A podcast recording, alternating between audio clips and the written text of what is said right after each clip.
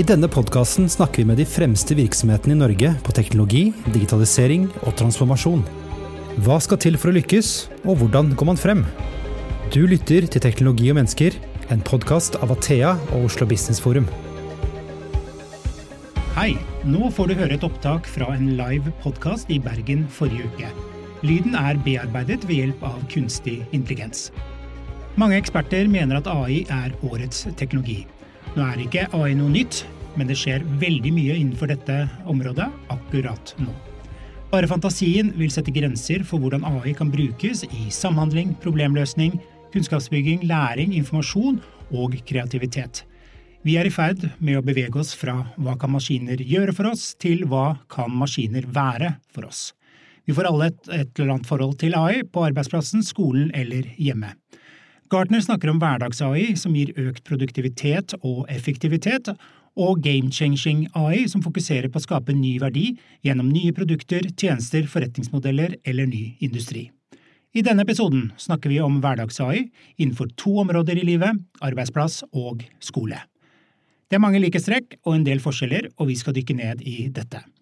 Ukens gjester er Fredrik Sætre, senior teknologirådgiver fra Microsoft, og Elisabeth Palmgren, tidligere skoleleder og nå ansvarlig for skolesatsingen i Athea Norge. Kos deg. Sitt ned. Det var ikke damene først, Fredrik. Jeg fikk beskjed om å gå først. først. Gjestene først fikk jeg beskjed om. Det, visst, ja. det er sånn det har blitt. Vi byttet litt på det. Nydelig. Velkommen til oss. Takk. Eh, det er jo en kjempestor dag i dag, eh, Fredrik. Eh, endelig. Alle har snakket om co-pilot i mange måneder, har jeg en følelse av. Men nå er det altså muligheter eh, for eh, virksomheten å ta det i bruk. Hva er forventningen til bruken av Kolpalut? Vi, vi, har jo gledet oss veldig. 1. november i dag. Og det, det er en, en merkedag for, for, Microsoft. Det er jo noe som, som sier, vi har jobbet med i, i lang tid, og produktgruppen har vært eh, tett på. Dere, i Athea har jo vært inne og fått lov til å prøve dette i lang tid. Men eh, vi ser jo dette som liksom, fundamentert med AI, at vi kan bruke AI til å forbedre hverdagsprosessen. Og dette er forankret i liksom, misjonsstatementet vårt, dette med at uh, alle personer og organisasjoner skal kunne oppnå mer.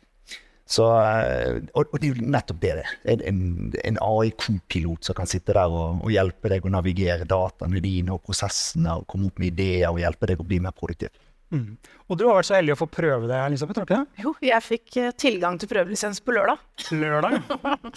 så søndagen uh, og mandagen uh, forsvant. Var du borte med kjerringa? Nei, kjerringa rørt. Unnskyld. Ja, ja, ja. Det er jeg åpen for alt. Alt er lov her i verden. Det er unger og mann, da. Sorry. Ja, ja. Nei, så jeg har testa ut litt, da. Uh, litt. Det er veldig interessant.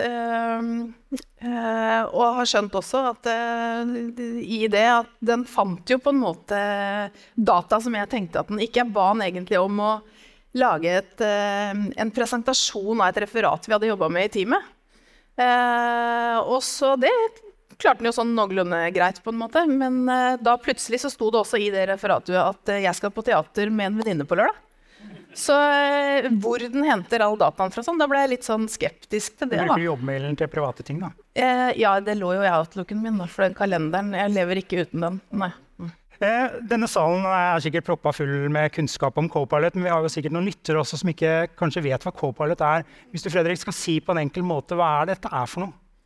Eh, det er nettopp det beskrivende i ordet i tittelen av produktet. Som er jo nettopp en kopilot som kan hjelpe deg å, gjennom både at du vil treffe de alle brukerflatene som du er i. Om du er i Microsoft 365, som er på Windows-desktopen din, eh, om de Office-applikasjonene som vi har, eh, så vil du treffe en kopilot som popper opp og vil hjelpe deg da med å enten å gi mening i den prosessen du skal gjøre, eller hjelpe deg å utføre de oppgavene du ønsker å utføre i de eh, brukerflatene som du er i. Mm. Eh, det er jo litt sånn uh, fin sammensetning her, for jeg sånn tech, du jobber jo i et teknologiselskap. Men uh, skole, fordi at når vi hører om AI i skolen, så tenker jeg veldig på ChatGPT. Uh, og det var jo en storm blant lærerne på nå er det juks, plagiat osv. Hvordan, eh, hvor hører AI hjemme igjen i skolen? Hvilken plass har AI i skolen? Nå er det vel ingen plass, men det kommer, det kommer vel? Det treffer i hvert fall ganske skeivt ute i skolen. For nå er det jo noen som er kanskje litt uh, på og har gått ut og begynt å prøve dette og forstått at uh, dette her må vi på en måte bare uh, teste ut. vi må lære elevene å håndtere dette. de trenger egentlig den kompetansen til å forstå hva dette er. Det nytter ikke å på gjerdet, sitte på gjerdet og se på, se på hva som skjer. Eh, men, men, eh, det trengs også en kompetanseheving der ute da, for å forstå hvordan det treffer eh, Hvordan vi tradisjonelt har jobba med læring i skolen. Og for å være helt ærlig, så var jeg litt sånn det jeg har sagt tror jeg også tidligere en tidligere podkast, at når ChatGPT traff skolen, så tenkte jeg takk gode gud, endelig et sånt brekkjern for å få oss til å jobbe litt annerledes i skole med læring og, og, trene på det å lære å lære. Det som egentlig Ludvigsen-utvalget la opp til når de eh, eh, gjorde grunnlaget for den nye læreplanen vår. Så det der å trene de fagovergripende kompetansene som trengs der ute Nå må skolen ta tak i det, fordi kunstig intelligens har kommet inn og truffet egentlig ja, vurderingspraksisen vår, eller hvordan man jobber med læring osv. Så, videre. mm. så jeg tenker det er veldig bra. Men vi har en vei å gå, da. Lærerne skal kanskje undervise på en annen måte osv. Jeg tenker Det er jo ikke bare bare å ta i bruk Copilot heller. Nå har vi sikkert lekt oss med alle disse AI-løsningene eh, på privaten, og så skal du gjøre det i jobbkontekst. Eh, hvilke skills trenger man? Oh, jeg, jeg, tror først og fremst så, Når du begynner å se og teste det, så vil man forstå at det er en, eh, en ganske si, ny paradigme inn til dataene dine og måten du jobber med det. En ting er selvfølgelig hvis du, skal, du står i et Excel-ark og du ønsker å dykke ned i informasjonen som er der inne, og ber den formatere, så det vil jo hjelpe deg mye der inne. Eh, men det er når, jeg tror dette er en ny teknologi som rett og slett knytter en språklig, eller bryter en språklig barriere og en ny måte å interagere med både applikasjoner og data. Eh, og da krever det jo at vi er gode på å stille spørsmål og jobbe med semantikk logikken måten vi, vi, snakker med. Vi kaller det for prompting eller prompt engineering, som noen liksom trekker det helt ut og kaller det. Men det er bare og måten vi stiller spørsmålene ned, og at vi er presise og eksplisitte i det vi spør om. Så det er kanskje det første som, eh, tipset jeg vil gi, er liksom bare være, vær veldig presis i måten du jobber med det på. Og på den andre siden så er det jo de dataene som ligger inne. som Microsoft 365 Copilot vil jo bruke denne grafen, som er som kontinuerlig dannet etter hvert som du bruker teknologien. Så du ser Kalenderen din vil være tilgjengelig, det der Teams-møtene som du har hatt, e-poster som du har hatt til kollegaer og til kunder og, og partnere. Og det, alle disse Informasjonen ligger jo i denne eh, sfæren din. Og hvis du er flink til å putte gode data med høy kvalitet som er relevante inn der, så vil han gi deg informasjon. Hvis du putter ting som er helt irrelevant, så dukker de òg opp når du spør om de tingene der. Så Først og fremst kritisk tenke nå, da. Ekstremt viktig at man trener på. Og det er jo en av de største kanskje pilarene i nye læreplanene, nettopp at dette er ferdigheter vi trenger. Og hvis ikke elevene det kan ikke være sånn at vi stenger ned dette for elever mellom 6 eh, og 18 år, og så kommer de ut i yrkeslivet og så 'Nå skal du få lov, vær så god'. Da har vi på en måte svikta samfunnsoppdraget vårt da, som skole, hvis det er dit det går. Maskinlæring sånt, er basert på liksom, grunnleggende matematikk. Så det, det der å forstå grunnleggende matematikk vil jo gjøre oss tilstrekkelig mye bedre eh, til å kunne konsumere den type teknologi og forstå hvordan tingene fungerer. Og så tror jeg òg den nå med språket og semantikken og hvordan vi ordlegger oss, og hvilke ord vi bruker når vi spør, og hvordan skal man konstruere en setning som vil gi riktig med. For den er jo trent på enorme mengder med data som, eh, som er basert på menneskelig språk. Og hvis du er upresis, så får du upresise svar. Det er bare sånn det blir. Jeg har faktisk hørt et eksempel på det. Det er et forskning nå som drives i Østfold. Det er Halden eh, bl.a.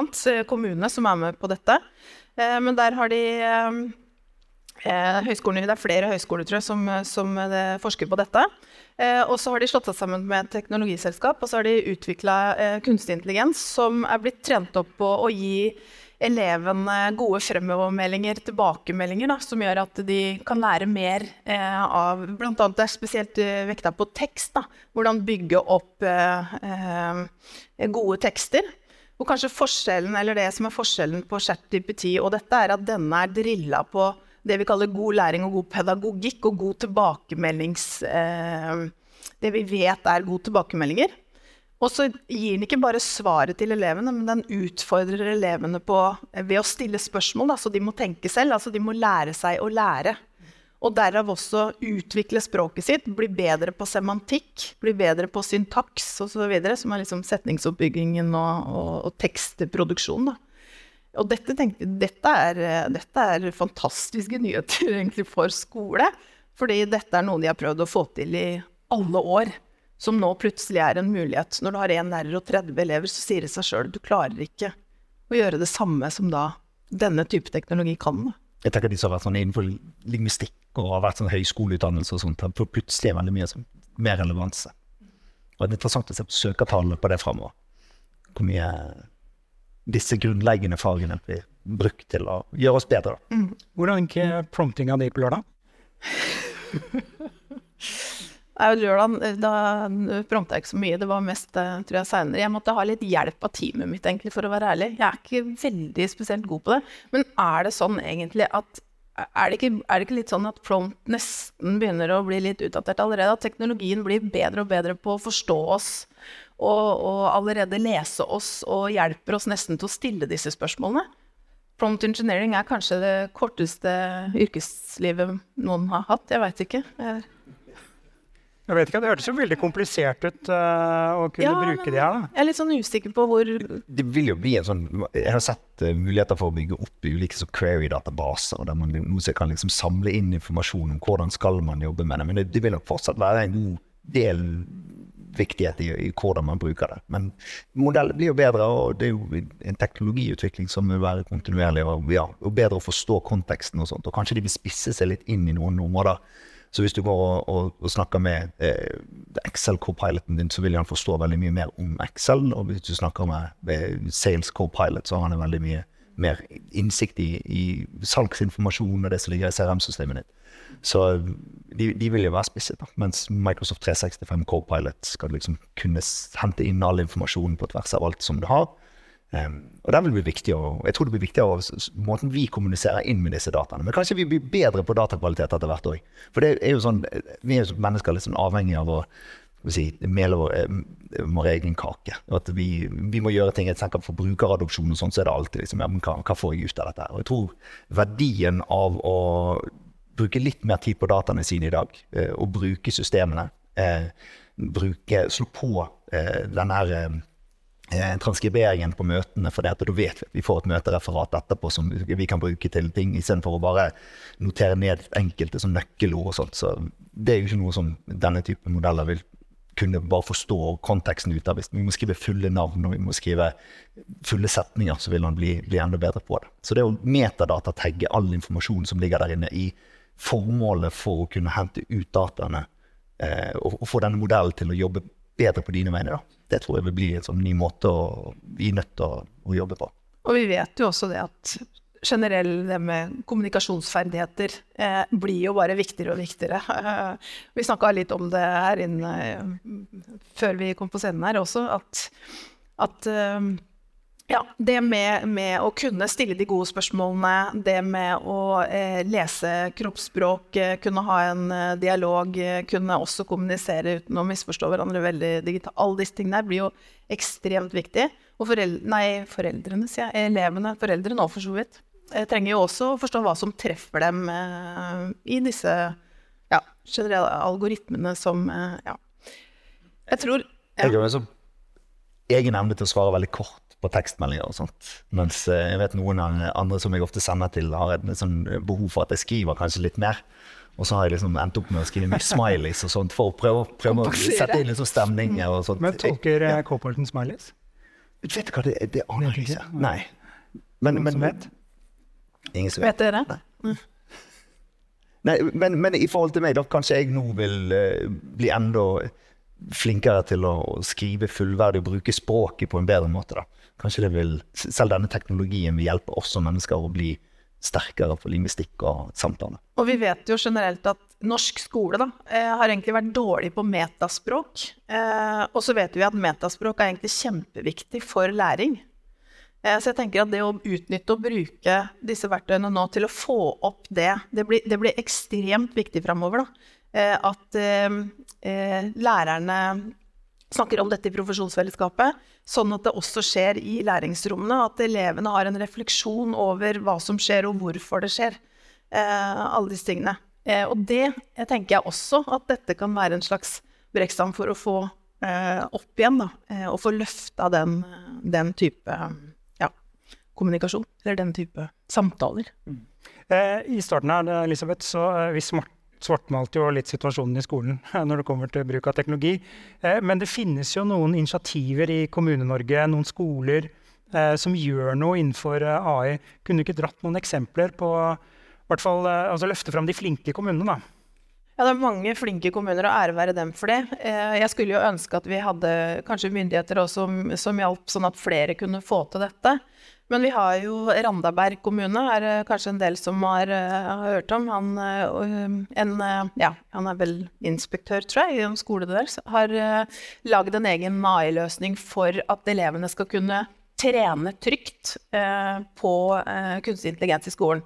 Og så har han også satt opp dette innenfor API-er som, som det er trygt å øve på, så ikke dataen på en måte forsvinner eller blir lagret uh, andre plasser. Um, og så har han også um, fronta disse på, en måte på forhånd, sånn at de har uh, forskjellig type Kaller man det chatboter, da, på en måte. Uh, så de går inn i dette miljøet. Og så får de svar som en tiåring. Så hvis det er tiåringer som er inne i dette, så får de svar tilsvarende det en tiåring vil kunne klare å håndtere.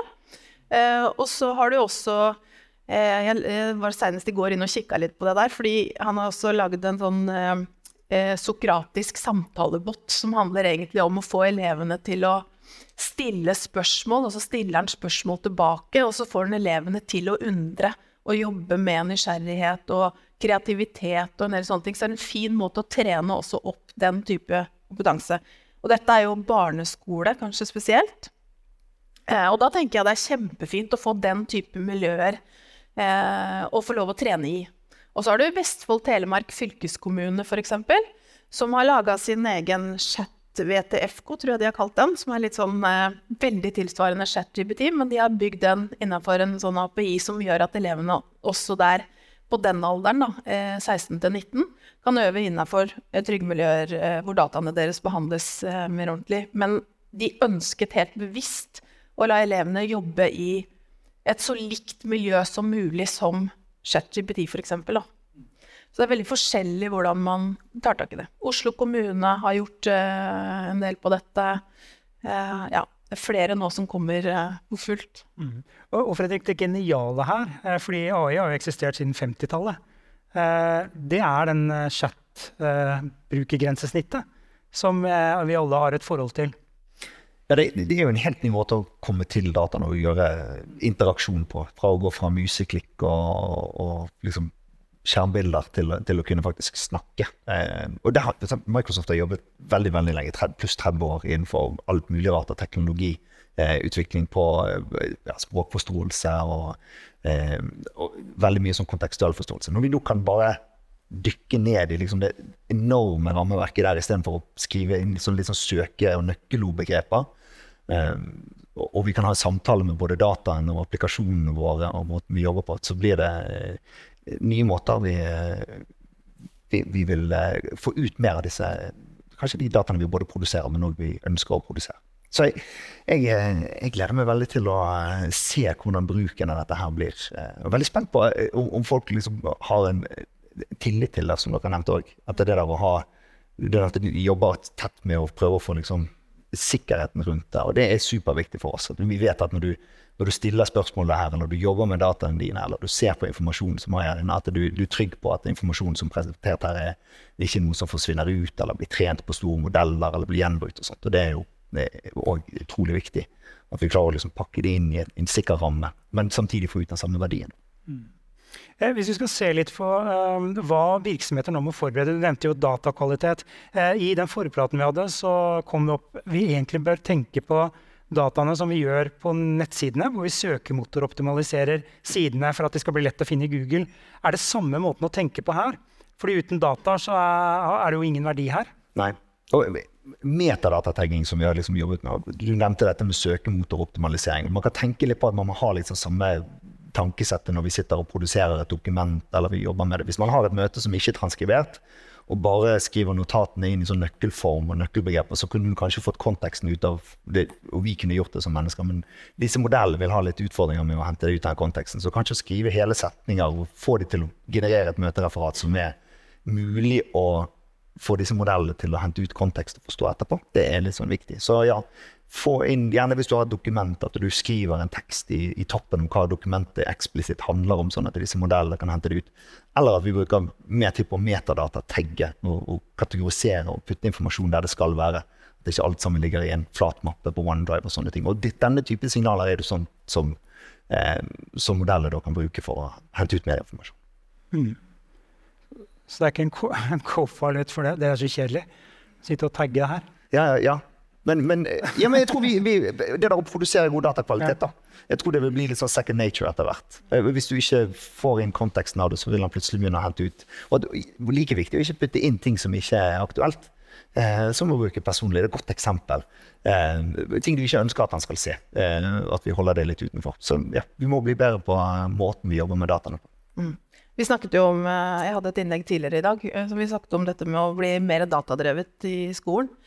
Uh, og dere har jo uh, Emerge, altså den Reader, uh, hvor, hvor elevene får tilbakemeldinger på hvordan leseutviklingen deres går og sånne ting, som gjør at de kan også være mer selvdrevne i, i, læringen sin.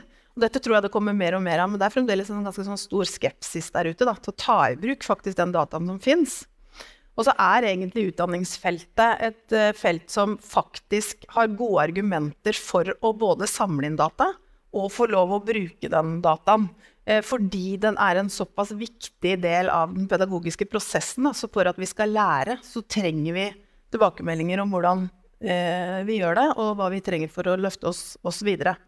Så dette er jo eh, noe som jeg kanskje syns vi er litt for skeptiske til, kanskje, i det offentlige.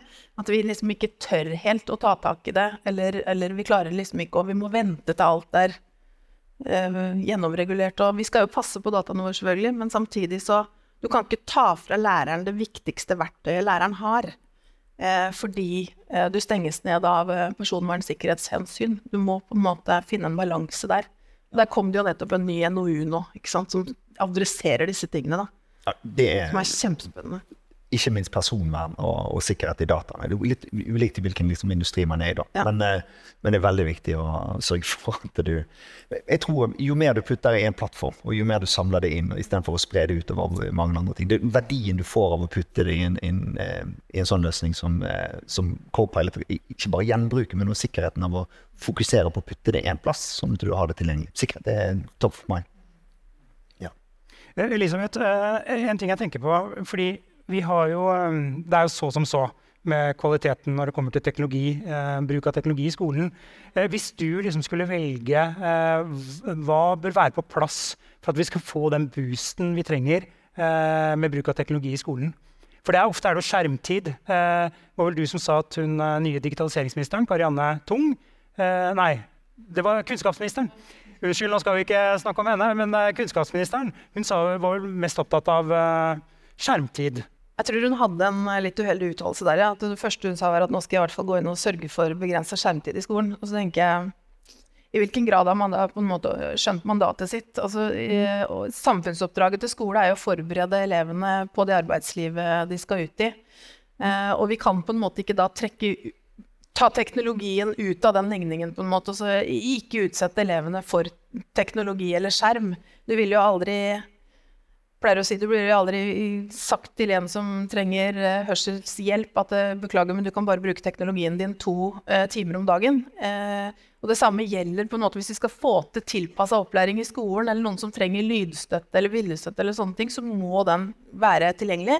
Og det må være en pedagogisk begrunnelse for når du både tar det i bruk, og når du eh, tar det ut. Eh, og så tenker jeg at det som vi trenger, er jo lærere som har den kompetansen til å vurdere det. da. For du kan godt si at det er, det det er ikke bare god bruk der ute. Eh, det er mye dårlig bruk òg, så jeg skjønner veldig godt at foreldre er kritiske. Eh, og også andre. Men, men, der må vi gå inn og sikre hele kvaliteten på den læringa, både med og uten skjerm. Der hvor skjermen er god, da må vi ta den i bruk. Bedre tilpassa opplæring. Eh, gjerne bruk av kunstig intelligens for bedre feedback. Alle de tingene vi egentlig har etterstreba i mange år, da, er jo noe mulig å få til. Og da trengs det kompetanseheving. Vi trenger lærere med endringsvilje, omstillingsevne. Vi trenger eh, alle de tingene som egentlig elevene også trenger. ikke sant? Nysgjerrighet. Eh, det evnen til å lære å lære. Eh, robusthet, alt sånt noe. Det må, må vi og det er akkurat de samme merkelappene du kan egentlig putte på en virksomhet også. Altså å innføre ny, uh, nye løsninger uh, og ikke tenke på folka. Hvordan blir det med Copilot? Jeg sier det, det er både positivt og negativt skjermtid. Uh, og et, med bedriftene nå som skal bruke Copilot eller disse verktøyene hvis, igjen, hvis du ikke kjenner til verktøyene som, som du bruker i dag, så vil Copilot kunne hjelpe deg å kanskje bli en litt mer effektiv bruker av den type teknologi. Og jeg tror at hvis du ikke har som sa, alle vil melde sin egen kake. Hvis du ikke har brukt disse verktøyene fordi at du ser ikke verdien i det, du vil heller bruke det rosa lapper og, og skrive det ned, og det har vært liksom universet du har levd i, da. Um, så vil du kanskje falle litt bak hvis alle kollegaene dine kan bare skrive et fullt oppsummering, mens du må sitte med alle disse lappene og sånt. Så jeg tror nok det vil kreve av oss uh, uh, at vi bruker teknologien. Jeg tror det vil fremme eh, en, en positiv bruk, eh, framfor at eh, det er et sånn slit å måtte gå inn på PC-en og gjøre disse tingene. Vi vil se verdien ut av det. Og dermed kanskje vi blir bedre brukere. Det kom jo en rapport fra Harvard her også nå, i var det september, eh, hvor det var konsulenter som hadde de har gjort et forskningsprosjekt på dette. Konsulenter har tatt i bruk eh, Altså, en, noen tok ikke i bruk AI, og andre halvparten tok i bruk AI.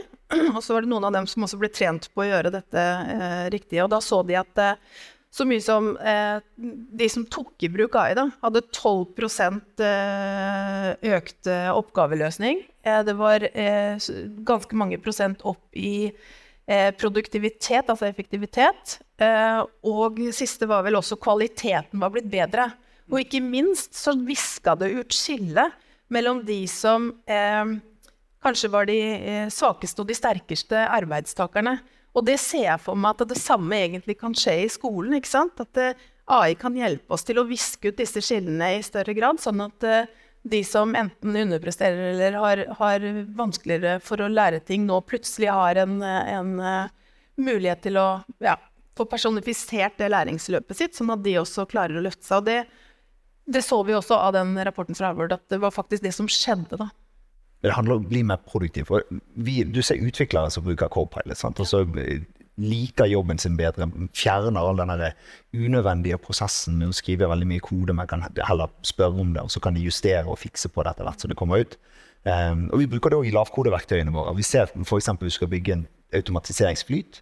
Eh, det å kunne spørre om den og komme til et raskere startpunkt gir faktisk 60% større sjanse for at den blir produksjonssatt eh, med, med, eh, med god suksess framfor at man må sitte og, og bygge ting fra bunnen av. Så man, man komme, Jeg tror Copilot vil hjelpe deg å komme raskere til et startpunkt der du kan jobbe deg ferdig med disse eh, oppgavene.